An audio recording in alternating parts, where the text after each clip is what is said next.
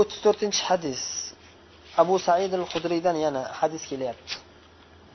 Rasululloh sollallohu alayhi vasallam aytdilar man ro'a minkum munkaran falyughayyirhu biyadihi. Qaysi biringiz sizlardan qaysi biringiz bir munkar harom ishni ko'rsa qo'li bilan o'zgartirsin. Agar qo'li bilan o'zgartira olmasa tili bilan o'zgartirsin. Agar tili bilan ham o'zgartira olmasa bas qalbi bilan o'zgartirsin. Va bu eng oxirgi holati ya'ni qalb bilan o'zgartirish eng iymonning eng zaif holati. Iymonning eng zaif bo'lgan holati. Iymoni zaif odam tili bilan ham gapirolmay o'tiradi qo'rqoqlik qilib. Da endi ko'p ko'p uchraydi bu narsa to'g'risi. O'zimiz boshimizdan ham o'tgan man o'zim ham iymonim zaiflik qilib shunday holatlarga duch kelganmanki gapirolmaganman. Munkar ish o'zgartira olmaganman alloh gunohlarimizni kechirsin. Endi bu bu yerda aksar holat aytilyapti. Ya'ni aksar holatlarda nima qilish kerak yoki nima nima bo'ladi? Odamlar qanday holatda bo'ladi? Shuni bayon qilinadi.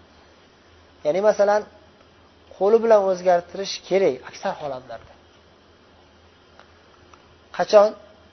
Ota o'zini farzandini tarbiya qilishda o'zini oilasini boqib tarbiya qilishda o'zini shogirdlarini tarbiya qilishda hokazo qo'li bilan o'zgartirish imkoniyati bo'lgan holatda o'zgartirish kerak. E'tiborsiz qaramaslik kerak. Ammo imkoniyati yo'q bo'lsa yoki unga huquq berilmagan bo'lsa bunday holatlarda qo'li bilan o'zgartirishga o'tmaslik kerak. Masalan ko'chada sizni tarbiyangiz ostida bo'lmagan odamlarni ko'rsangiz darhol qo'lingiz bilan sindirib tashlashligingiz bu sizni ishingiz emas. Bu davlat tayinlab qo'ygan hay'atni ishi bo'ladi. Hayatil amr bil ma'ruf va nahy al munkar.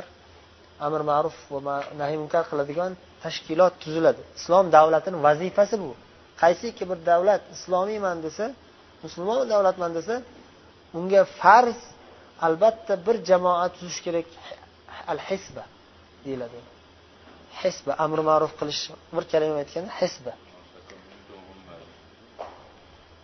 labay. Minkum umma. Bir jamoa bo'lishi kerak albatta. Davlatni vazifasi shuki islom jamiyatida amr ma'ruf qilib turish kerak. Nahiy munkar qilib turish kerak. U narsaga alohida bir tashkilot tuzilishi kerak va ularga huquq berilishi kerak. Kuch bilan bo'lsa ham o'zgartirib turish kerak. Amal qilish kerak. Agar o'sha tashkilotga a'zo bo'lmagan odam bo'lsa va o'z qo'l ostidagi qo'l ostidagi odamlar bo'lmasa masalan farzandlari yoki o'zini ostida ishlaydigan odamlar bo'lmasa ana shunda ikkinchi holatga o'tadi. Tili bilan amr ma'ruf qilish kerak bo'ladi. Tili bilan amr ma'ruf qilish kerak bo'ladi. Endi qaysidir bir holatda tili bilan amr ma'ruf qilishlik fitna bo'ladigan bo'lsa odamlar to'g'ri tushunmaydigan fitna holatiga olib keladigan odat to'ntarlikka olib ketadigan holat bo'lsa yoki qisqacha aytganda foydasidan ko'ra zarar ko'p bo'lsa til bilan gapirish ham ba'zida shunday bo'ladi. Til bilan gapirib qo'yishlik ham foydasidan zarar ko'proq bo'lishlik mumkin ba'zi bir holatlarda. Aksar holatda emas. Aksar holatlarda albatta foydali bo'ladi. Zarari yo'q yoki zarari kam bo'ladi. Lekin ba'zi holatlarda uchrab turishi mumkin bo'lganligi uchun ham rasululloh sollallohu alayhi vasallam uchinchi holatni ham bayon qildilar. Ya'ni hech bo'lmaganda qalbni o'zgartirish kerak. Ya'ni qalbda inkor qilish kerak. Ey bu narsa harom deb turib qalbingizdan nafratlanib turishingiz kerak. Tilingizda aytolmaysiz ham qo'lingiz bilan o'zgartira olmaysiz ham.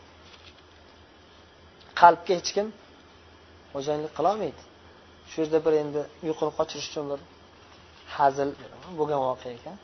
Bir shayx aytuvdi bir kishi masjidda hadis o'qib berib turar ekan har namozdan keyin odamlarga shu hadis kelib qolibdi. O'qib kishi endi hadis sharhlamasdan shunday o'qib ketaverar ekanda qisqagina eshitganlar ba'zi to'g'ri tushunadi ba'zi to'g'ri tushunmaydi. Eshitganlar ba'zi yaxshi odamlar bor ba'zi bir yomonroq xullas bir davlatni bir maxfiy xizmatlarning a'zosi o'tirgan ekan. O'sha kuni masjidda. Shu kuzatuv uchun kelgan bir maxfiy xizmat xodimi o'tirgan ekan. Mana shu hadisda aytsa desa arab ekanda ular. Qalb degan kalimasini boshqacha tushunibdi. Qalb deganda qalb aytmayapti u deb o'ylabdida qalb degani to'ntarish deb qalabahu degani to'ntardi degan. Qo'ling bilan o'zgartirgin tiling bilan o'zgartirgin hech bo'lmasa to'ntarib tashlagin deb. Shuni inqilobga da'vat qilyapti bu deb turib borib kattalarga xabar beribdi. Falonchi masjidni imomi inqilobga da'vat qilyapti. Nimasi to'ntarishga chaqiryapti to'ntarishga. Desa darrov olib ketib qamab qo'yishibdi. Voy man nima qildim? Desa san to'ntarishga chaqiryapsan. Inqilobga chaqiryapsan san deb desa bu hadis bu mani gapim emas bu rasululloh gapi bu to'ntarish degani emas bu qalb degan ha kechirasan deb.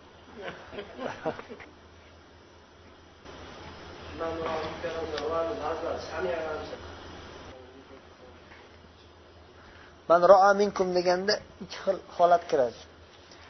O'z ko'zi bilan ko'rish yoki o'z qulog'i bilan eshitish. Bir munkar ishni siz o'z qulog'ingizdan bilan eshitsangiz o'sha ko'rgan bo'lasiz yani.